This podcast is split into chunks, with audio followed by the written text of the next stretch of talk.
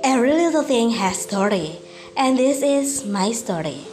Assalamualaikum warahmatullahi wabarakatuh. Hai Smart Pals, welcome back to my podcast. This is Story Pie.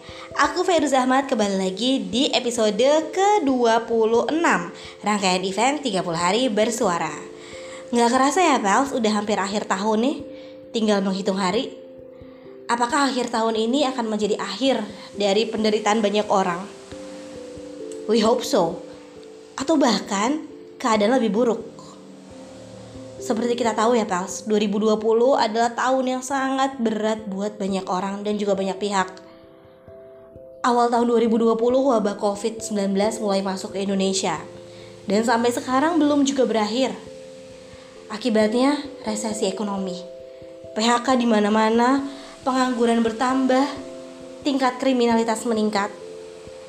Berita kematian di mana-mana, Bukan cuma kematian karena wabah COVID aja, tapi kematian karena depresi dan keputusasaan.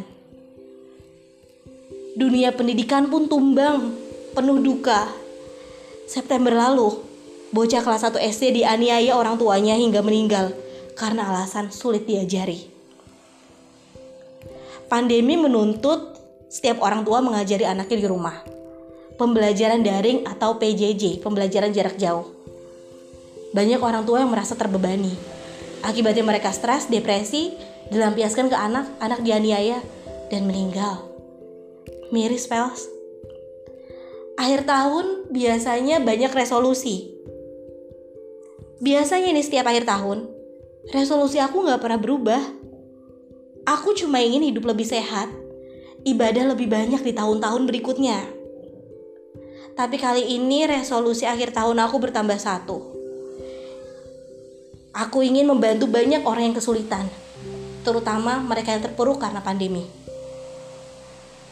Apa resolusi akhir tahun kamu, Pels? Apakah sama dengan resolusi aku? Dan apakah kamu akan membuat perayaan akhir tahun? Kalau aku nih, kalaupun ada yang bisa dirayakan di akhir tahun, satu-satunya cara adalah aku merayakan bahwa aku masih hidup sampai akhir tahun ini. Dan aku rayakan dengan penuh rasa syukur. Segitu dulu ya podcast aku kali ini. Karena ini topik yang sangat miris buat aku. Aku Fairzah Ahmad, sampai jumpa di podcast berikutnya. Bye-bye.